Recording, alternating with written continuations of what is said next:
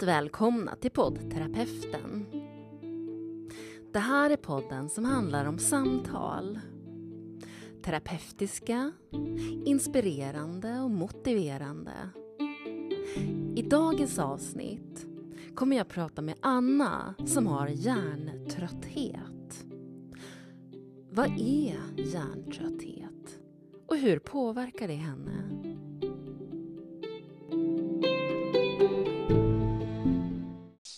Hej Anna, välkommen! Hej Malin! Tack. Vad skulle du vilja prata om idag? Jag skulle vilja prata om hjärntrötthet. Mm. Det är ju ett begrepp som inte så jättemånga känner till. Och eh, jag gjorde inte det själv förrän för ungefär två år sedan. Mm. Eh, eh, när jag lyssnade på ett program, Kropp och själ, på P1 eh, mm. som hette Jag är inte dum, jag är hjärntrött. Och då tyckte mm. jag som att det skulle kunna vara något som stämde in. Och sen så lånade jag en bok som eh, de pratar mycket om där, skriven av två psykologer är de väl, som heter eh, Birgitta Johansson och Lars Rönnbäck. Och den heter När hjärnan inte orkar. Ja, en bok där det, där det beskrivs vad det är. Det, det, alltså, det är ett begrepp för att skilja det från vanlig trötthet. För det är, om man, som i mitt fall, jag är sjukskriven 50 procent och om man säger då till någon som inte har någon erfarenhet av det att ja, jag, jag är så trött så jag kan bara jobba 50 procent. Mm. Eh, då, då är det ju lätt att, att vem som helst säger ja, vem är inte trött? Jag skulle också gärna vara ledig på halvtid. så. Oh, oh, just det. Mm. Men, men, om man då använder det här begreppet hjärntrött så blir det liksom lite lättare att beskriva att det, att det är en annan trötthet. Den, den, för mig innebär att jag behöver sova lite mer än en frisk person, men det är inte sömnigheten som är dominerande, utan det är en uttröttbarhet. Alltså att jag blir mm. trött av intryck, både mm. positiva och negativa så att säga, intryck. Ljud, Just. ljus, rörliga intryck, människor. Eh, allting liksom, det är som att inte hjärnan filtrerar det på, på rätt sätt, utan allting går rakt in på, på högsta volym och med högsta styrka. Så, så har jag börjat tolka det. Och då behöver den liksom vila både före och efter allt jag gör. Kan jag säga. Mm. Så. Ja. Jag fattar. Mm. Så vad händer? Jo, alltså om jag till exempel eh, är på en plats där det är mycket ljud och eller mycket ljus och eh, då, då, kan det kännas som att, eh, framförallt när det är mycket ljus också, då kan det kännas som att det liksom mm, släcks ner nästan i, fram till hjärnan. Att den liksom mm -hmm. inte kan ta in eh, att jag bara vill liksom bort från det där ljuset och den behöver liksom bara vila. Och sen kan det, om, om, jag, om jag ändå stannar kvar, vilket jag gjorde på en studiedag för ett halvår sedan, mm. eh, var en, en drama-workshop eh, där det var så starka spotlights på scenen och jag liksom härdade ut för det var sista timmen och sen var det, ja, över ett dygn så kändes det som det var liksom ett, ett eko eller ett ärr av det där starka ljuset innanför pannan på mig jättelänge.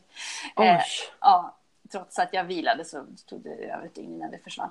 Eh, så det, det är mycket det här att, att jag, jag, måste, att jag håller på att lära mig, ska jag säga, att, eh, att inte härda ut hela tiden och inte mm, låtsas att jag är mm, som vem som helst och frisk. Mm. Samtidigt så är det ju precis som med till exempel att leva med smärta då, att jag kan inte undvika allt som gör mig hjärntrött för då blir det ingenting kvar av livet. Det gäller ju att hitta en balans. Just det. Hur långt skulle du säga att du har kommit i att hitta den där balansen? Eh, ändå, tycker jag, just nu. Eh, mm. eh, det, men det hänger ju, mycket kan man göra själv, men tyvärr hänger det ju en del på omgivningen också. För om jag jämför då, jag var sjukskriven förra omgången för två år sedan och sen så var, mådde jag bättre ett år emellan. Och då för två år sedan, och när jag upptäckte det här uttrycket hjärntrötthet också, då kände jag en press både från Försäkringskassan att jag borde jobba mera, från, från eh, läkarna jag hade då som tyckte att äsch, 25 procent är väl ingenting och du, du, du äh, inga prover visar någonting så att du skulle väl kunna vara ledig på halvtid så länge du har barn i lågstadieåldern.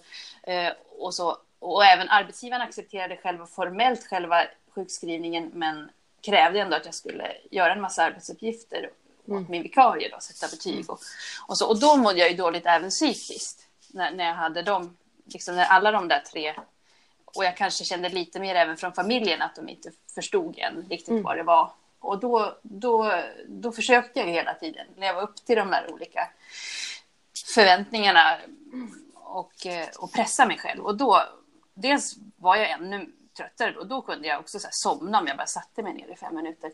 Och sen så framförallt så var det ju väldigt, jag var väldigt stressad, sov dåligt och mådde dåligt psykiskt. Men nu har jag hittat ändå, tycker jag, åtminstone just nu, ett, ett sorts lugn och en acceptans i det här. Det är in, mm. inte acceptans att jag tänker att jag ska må så här hela livet, utan jag har fortfarande ett driv att jag vill ju veta eh, orsaken och att den förhoppningsvis ska vara behandlingsbar. Men, men att ändå att just nu är det så här. Och, mm. ja, ja, jag, jag, dels kan jag jobba 50 procent och det inte, skulle inte kunna vara vilken halvtid som helst utan det gäller att ha en förstående arbetsgivare och kollegor mm. och, och själv orka och våga stå upp för vissa förutsättningar som jag behöver ha för att klara av det här mm. jobbet också.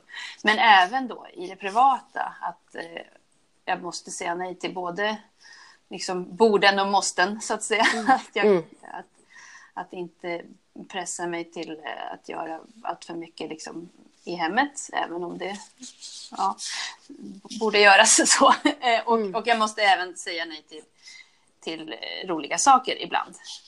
För att även tyvärr då, saker som kan verka, som kan betraktas som avkoppling för en person som inte har det här problemet då, att till exempel gå ut och ta en fika eller äta middag med, med flera trevliga och intressanta personer i en miljö där det kanske spelas musik och sådär. Det, det, det, är roligt, det är viktigt, det är givande, men jag blir helt slut efteråt. Mm. så, så mm. ibland mm. måste jag tacka ja, men ibland måste jag också tacka nej. Mm. mm. Jag förstår. Mm. Hur skulle du säga att familjen har påverkats av det här? Eh, ja, det är väl... Eh, de har, ju, de har ju vant sig gradvis kan man väl säga. För jag har ju haft den här problematiken i viss mån länge fast jag inte riktigt har mm. förstått den. Min man får ju dra ett väldigt stort lass när det gäller eh, ja, allt det praktiska i mm. och omkring hemmet. Eh, och barnen har ju liksom lärt sig att ja, men ibland, är, ibland är mamma för trött. Liksom. Mm. Och, då, och, och, vi kan vi, vi, har lärt oss att, att, ta det lite med humor ibland också. Att jag kan, mm. kan, kan, säga till min ena dotter att nej, men du, den här teflonhjärnan kan inte, kan inte ta in det där. Och då kan vi skratta åt det och det är också viktigt. Det finns ju en svår balans även där eh, gentemot ja. dina barn kan jag tänka ja. mig. Att, eh, hur, hur kan jag säga nej till dem mm. och samtidigt få dem förstå att det inte handlar om dem. Mm. Att det inte det, mm. det handlar inte om att jag inte vill vara med dem. Nej. Och samtidigt hitta balansen i att inte lägga um, någon börda på nej, dem nej, med kunskapen mm, kring, mm. kring det du har. Nej, precis. Så den där absolut. balansen kan jag bara gissa är jättesvår. Ja, det, men det känns ändå li, lite lättare nu för att de har börjat liksom vänja sig vid det. Och att ja, men det är så här det är. Ibland så följer mamma inte med och åker skridskor eller eh, mm. går på brunch med bekanta. För vissa dagar så orkar hon inte det och andra mm. gånger så gör jag det. Men, eh, ja, men jag, jag tycker ändå och, och, att jag har just det där att jag slutar pressa mig. För, ja, mm. för något halvår sedan så kunde jag försöka försöka liksom hjälpa dem med, med pianoläxan fast jag egentligen var bara som en gröt i hjärnan och då gick det ju inte så bra. Nej, precis. Så nu har jag insett att när jag känner så då, då får de ju antingen sköta det själva eller ta hjälp av pappa. Mm. Eh, eh, och, så, och, och, ibland, ibland när de frågar så men mamma kan vi spela spel, kan vi spela kort? Mm. Och så där, då kan jag säga att ja, inte just nu, jag behöver vila 20 minuter först, men sen kan vi göra det.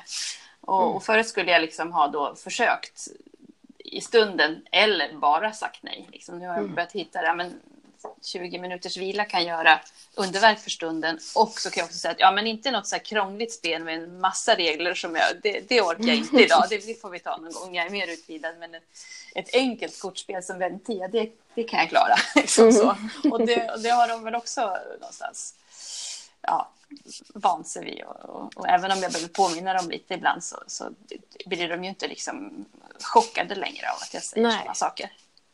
Och det låter som att ni har hittat en fin kommunikation. Ja, men det tycker jag. Det tycker jag att vi har. Mm. Och ja. det är ju väldigt viktigt. Ja. Ja, absolut. Jo, det är det ju. Det här med att kunna säga nej Mm. till barnen Mm. och till fam- familjen också låta din partner som du säger ta Mm. hand om saker när du inte känner att du orkar, när du måste sätta ner foten helt enkelt för din Mm. hälsas skull. Mm.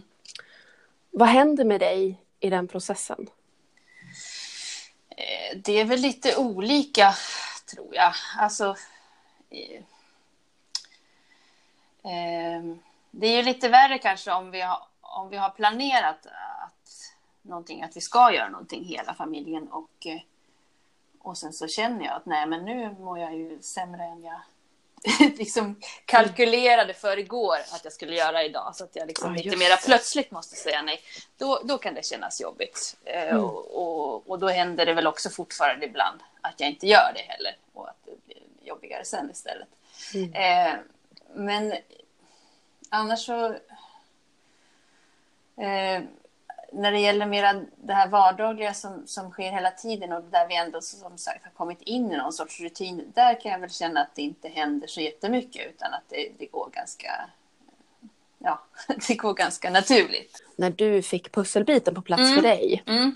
så ökade det din egna acceptans Ja. för hur du har det. Ja, absolut.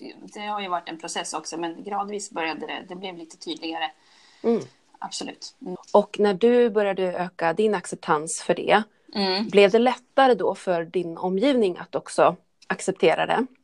Ja, min närmaste omgivning eh, blev, ja, för dem blev det ju det. Men alltså människor som jag inte känner lika nära eller som inte har någon liksom, förförståelse från att ha mått på något liknande sätt själva så är det ju fortfarande lika obegripligt för dem. Alltså, då, ja, men du som ser så pigg ut eller så. Mm. Eller, det. alltså, det, för det, det är ju det att, eh, och, att när jag träffar människor, förutom den närmaste familjen, för de träffar ju mig nästan jämt. Eh, men när jag träffar andra människor, när jag är på jobbet de här dagarna jag klarar av det och när jag är ute i sociala sammanhang och så, då är ju det dagar jag mår, dagar eller delar av dagar när jag mår lite bättre. Mm, just det. Och då, då, och då ser jag ju pigg ut. Ja. men, men sen, det är ju därför det är så osynligt. Att det är en vanlig kommentar. Ja, men du ser ju så pigg och fräsch ut. Mm. Ja, men det är ju just nu. Jag är ju här för att det är en bra Mm. stund eller en bra dag. Men så här ser jag inte ut i mina, liksom, de stunder när, när ingenting fungerar. Mm. Ehm, så det, det är ju fortfarande, men, men alltså min närmaste familj, mina närmaste, min närmaste arbetskollega och mina närmaste chefer, kan man säga, de har ju, eh, ja, det, det är ju li- lite lättare i kommunikationen Mm. då, när man har nå- någonting konkret att kalla det för. Just Inte det. bara säga att åh, jag är så trött, för det kan ju vara vad som helst. Vad skulle du säga är den största utmaningen för dig? Ehm, ja, men det är väl hela tiden den här balansen. För att, eh, och, och, och, att, och i balansbegreppet så ingår ju att eftersom ibland, vissa saker kan jag ju göra lika bra som någon annan men det får inte vara under tidspress och det måste få ta tid. Och det gör ju att jag har ju verkligen lärt mig att eh, rensa i kalendern och eh, liksom insett att prioritera ganska hårt ändå mellan, mellan saker jag gör. Ibland så är ju det, det som jag har prioriterat att nu måste jag få göra ingenting i tre timmar. Mm. Och det behöver inte vara att sova heller utan verkligen ja, sitta och bara vara.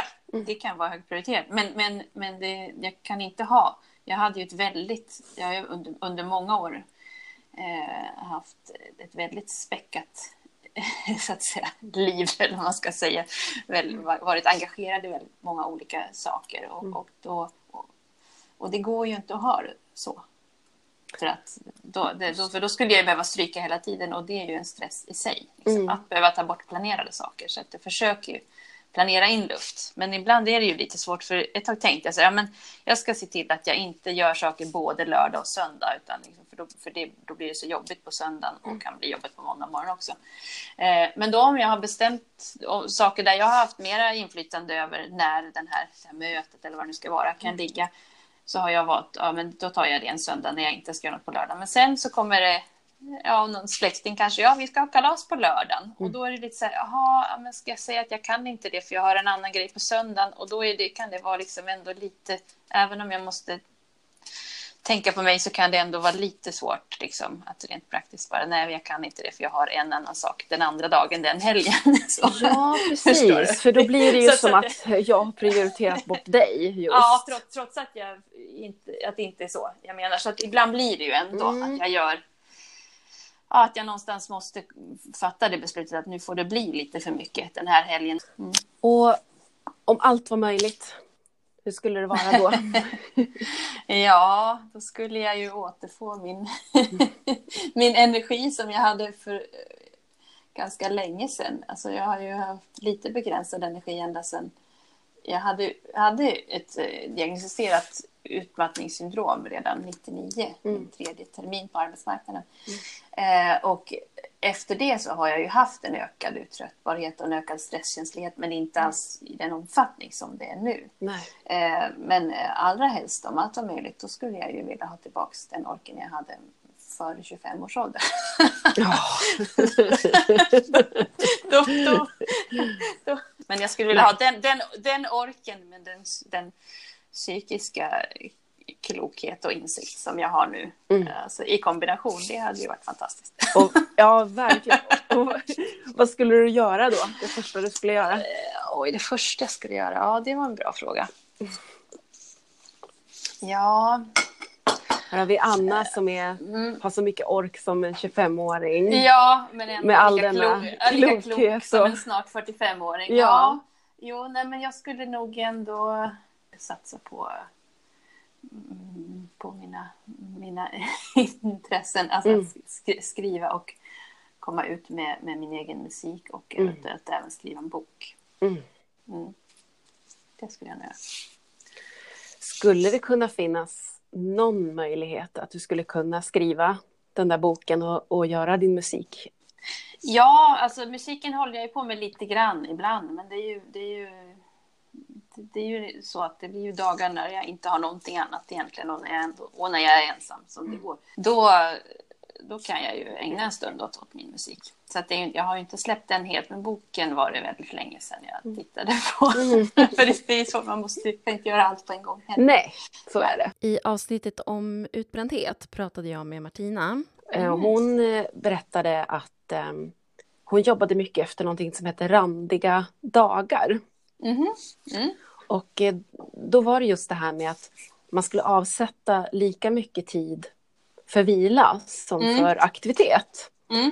Men det hon berättar också det är det här med att en aktivitet är oftast fler aktiviteter ja. men man inte tänker på det. Absolut. Som att bara till exempel eh, laga mat är ju faktiskt fler aktiviteter i sig. Mm. Jo, men det är det. Och att även där handlar det om att sätta in vila mellan varje matlagningsaktivitet. Mm. Ja, ja. Att tänka ut maten liksom, och leta rätt på receptet är en kanske då? Exakt. Ja, just det. Mm. Skulle det kunna vara någonting att testa? Ja, det låter ju, det, det kan det nog ibland. Fast det, ibland måste jag nog, tror jag, ändå ha det här lite ojämnare flödet mm. i alla fall. Mm. Alltså till exempel i och med att jag har den här 50 procentiga arbetstiden som, som inte är jämnt fördelad över dagar, över halva dagar, fem dagar i veckan. Mm. Eh, för att det fungerar inte så med min, den tjänsten. Liksom. Mm. Utan det är ju två ganska långa dagar och så, så är det lite småfix däremellan. Eh, och då, då får jag ju liksom, då måste jag ju, jag kör inte totalt slut på mig på en sån arbetsdag, men, men den, den är inte så väldigt randig. Och det behöver inte vara exakt lika länge vila och lika länge aktivitet heller. Nej, utan nej. själva poängen som hon berättade då, mm. som hon hade lärt sig på, på stressmottagningen som hon hade varit. Ja. Eh, där var det då att det var eh, att det bara var viktigt att det var randigt och inte ja. en enda färg. Nej, nej precis. Nej, men det, det, låter, det låter klokt. Ja. ja. Så att, ja, nej, men randighet, det, det låter fiffigt, absolut.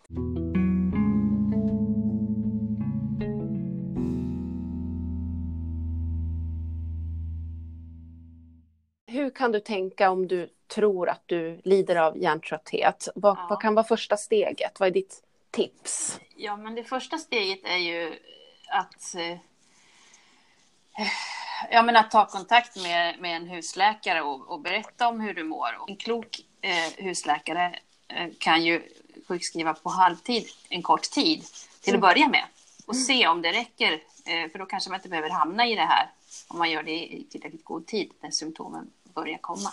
Eh, det, är väl, det. det. är väl en sak. Eh, våga stå upp gentemot arbetskamrater och arbetsgivare och berätta om det här, att det är ett, ett, ett konkret problem.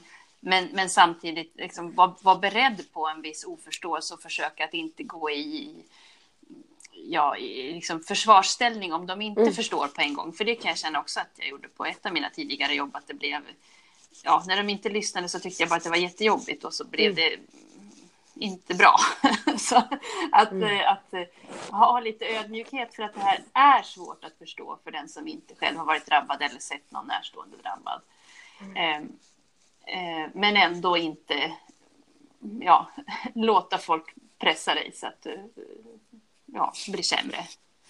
Eh, mm. Det är väl den andra. Och sen, ja men just det här att, att försöka tänka att, ja, men jag eh, att jag tillåter mig själv att må bra psykiskt fastän jag eh, utifrån sett eh, är ganska onyttig just nu. Så. Just det. Att inte tänka att liksom ha, för jag har haft problem med det själv, att ja men jaha, får jag må bra nu en dag när jag borde ha varit på jobbet, när jag sitter här med min kopp te i solen. Liksom. ah, just det. Så, så, så har, det är inte alla som har den, den kanske det, vad ska säga, om det är det lutherska oket eller vad det är över sig. Mm. Men det, jag har, har liksom jobbat med det och liksom bestämt mig för att jo, men det är ju jätteviktigt för, för både att jag inte ska bli sämre och att jag förhoppningsvis ska bli bättre också att, att, att tillåta mig att må bra och att humor är bra som sagt också. Det är alltså mm. våga skratta, skratta åt eländet för det, mm. det blir mycket enklare. Försök hitta humor i, i alla möjliga situationer istället för att bara skriva dem svart. Mm. Eh, och sen att, att, att, eh, rörelse också är viktigt, men inte hård träning. Om man Just här. För så, I alla fall är det så för mig att om jag, om jag eh, skulle gå ut och springa nu en, en, en, mil eller en och en halv som jag kunde för några år sedan. Det skulle jag nog klara av, men, men då skulle jag bli helt förstörd i flera dygn efteråt. Men däremot en, en halvrask cykeltur på en halvtimme eller en promenad lika länge mm. eller ett ett mjukt yogapass, eh, då, det är ju, både känns ju bättre och det är även ganska vetenskapligt bevisat att det ökar liksom, nybildningen av hjärnceller. Att man rör på sig. Just det. Måttlig motion. Jag håller, precis, håller på att läsa en bok nu som heter Hjärnstark av Anders mm. Hansen. Oh. Väldigt intressant bok. Vad roligt, jag träffade ja. en person igår som också sa det. Att, eh, Åh, du måste läsa den boken. Ja, ja, men den är faktiskt jättebra. Just för att det, det hela tiden kommer fram till olika saker som och, och, verkligen grundar sig på, på vetenskap.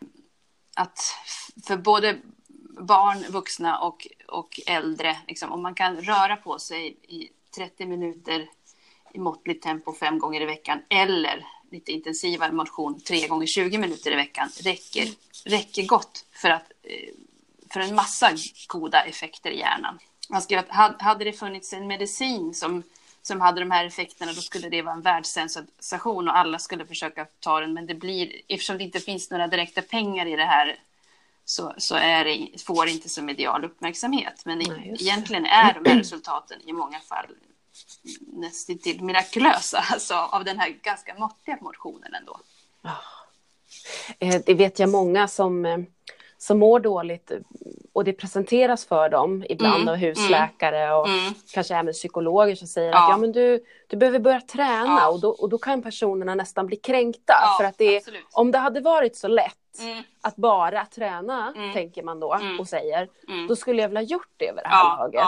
och och det, det, nu är inte det sagt då att Nej. allting ordnar sig och Nej, allting blir bra inte. och är man sjuk så är man. Men, men om man kan höja sitt välbefinnande med bara någon procent mm. ja, tack vare den där promenaden mm. och man kan göra den, mm. då är det värt så otroligt mycket. Ja, det gäller att inte bara tänka så här, ah, ju mer jag rör på mig desto friskare blir jag från utmattning eller hjärntrötthet. Mm. Utan det gäller ju att göra och det skriver han faktiskt i den här boken också flera gånger, det handlar inte om att ta ut sig. Ja, men man kan hitta det lustfyllda liksom, och det här lilla och börja i det riktigt lilla kan det ju vara också. Att fem minuters promenad om dagen kan vara en jättebra början. Oh, ja. om, det, om det är där man är. Så att man inte tänker att ja, för att få effekt måste jag gå ut och springa eller gå en timme.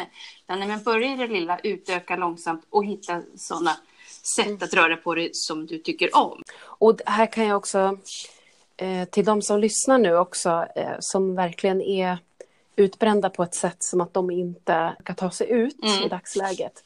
Så även där ha förståelsen för att, att bara gå ut fem minuter, det är inte bara en aktivitet heller. Nej, för att nej. man ska upp ur sängen, man ska borsta tänderna, man ska klä på sig. Mm. Eh, allt det här är ju också aktiviteter i ja. att bara gå ut fem minuter. Ja, visst, så verkligen ta det, man får ta det i sin takt och mm. känna efter. Ja. Och hitta den där eh, balansen att eh, ja, men idag kanske jag bara orkar klä på mig och borsta tänderna för mm. att gå ut. Men det är i alla mm. fall också det en mm. viktig riktning ja, i att kompassen är på väg ut i alla fall. Absolut. Så man tar det i små, små steg. Mm. Precis som du beskriver så bra nu med mm. att ja, men det handlar inte om att köra slut på sig. Nej. Det handlar inte om att ja, börja styrketräna på det sättet utan du har hittat din balans mm. här. Mm. Mm. Vad, vad skulle du vilja säga till de som lyssnar som inte har den här problematiken och som kanske har någon i sin närhet mm. som har det eller som aldrig har träffat på någon sån här person. Men, mm. ja, vad har du för råd att säga till dem? Ja, ja men det är ju att, att lyssna på vad den här personen säger. Att även om du tycker att det här låter konstigt så, så, så avfärda det inte utan lyssna på vad personen har att berätta och ja men eh, och respektera att ja, den här olikheten som ju finns på många plan, men det här är liksom ett plan till. Att det här kan vara en person som när du träffar den ser, ser pigg och helt frisk och normal ut, men för den skull så är det inte inbildning. Nej. Nej. Utan det här, det här kan vara den, den personens bästa halvtimme den här dagen. Så att, liksom att inse att det är inte lathet att, att en person som beskriver någon form av utmattning eller hjärntrötthet eller både och eh, inte orkar göra lika mycket som du som är frisk. Nej men precis. Um, och, och, där sätter du ju fingret på det igen det här med just ordet lathet. Det finns en föreställning om att ja, men om du är trött mm. då ska du ju också lida hela ja, tiden ja, i stort sett. Absolut. Du sa det så fint att den här dagen sitter jag nu bara och tar en kopp te mm. och har det helt bra. Mm. Och det är okej. Okay. Mm. Och jag behöver inte nu ligga här och, och, och låtsas må sämre bara för att den andra personen eller min omgivning nu är på banorna med att jag har den, har den här problematiken. Mm. Så det, där, där har du hittat en så mm. fin, ett fint förhållningssätt till dig själv och till din kropp. Ja. Och vad du behöver. Jag tyckte det var svårare förut när jag hela tiden kämpade på och så kanske jag blev sjuk i fyra, mm. fem dagar och då var det ja men åh jag måste jag måste ju vara så sjuk i den här förkylningen som jag har på nu ja, vis, eftersom jag har sagt att jag inte kan jobba. Varför ska jag hålla på så liksom? Jag vet, mm. ju, jag vet ju själv. Du vet ju. Hur mm. det är.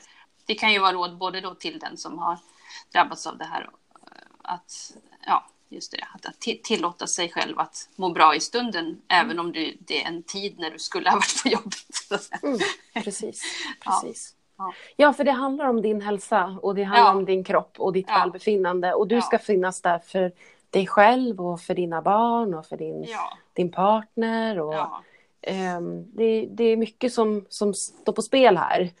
Så jag, jag förstår ju också att du inte kan um, spela bort bara för att vara andra till lags med vad Nej. de har för föreställningar. Nej. Nej men dessutom, det finns mycket värde i potten här. Absolut. Kan man hitta liksom en, en, en, en balans där det går att vara en del av arbetsmarknaden ut, utan att utan att pressa sig själv så att man blir sämre så, mm. så är ju det väldigt mycket värt naturligtvis. Oh ja, jättemycket värt. Mm.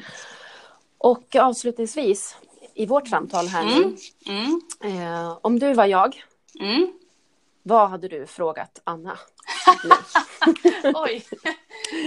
Sista frågan. Sista frågan. Nej, jag kommer inte på något. det är svårt.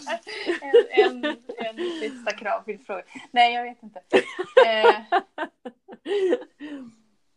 Ja, men om vi säger så här om du var jag mm. i våra mm. samtal här och nu. Ja, hur ja. hade du velat avsluta? Hur hade du velat sagt eh, hej då? Jaha, ja. Om vi säger så då. Ja, okej. Okay. Ja, för nu har jag ju liksom redan sammanfattat de där två mm. bitarna där som känns viktiga. Eh, ja, men eh, ja, men tack för det här samtalet. Det var, det var intressant.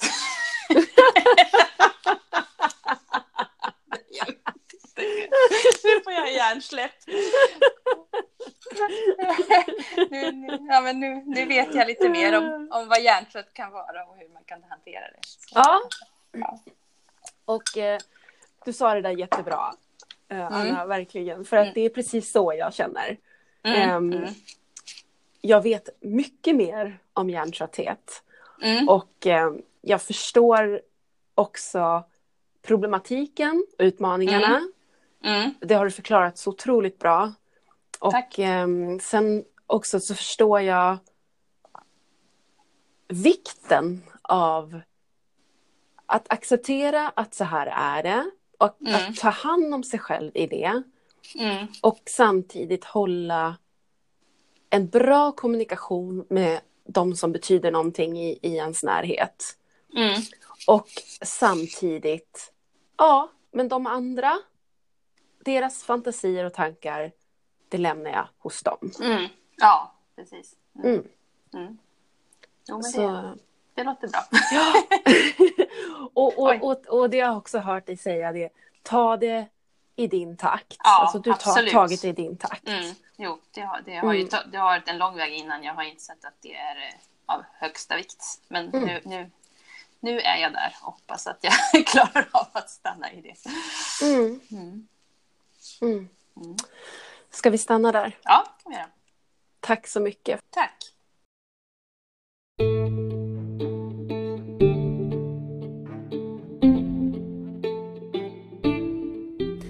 Och det där var allt för idag. Stort tack till dig som har lyssnat.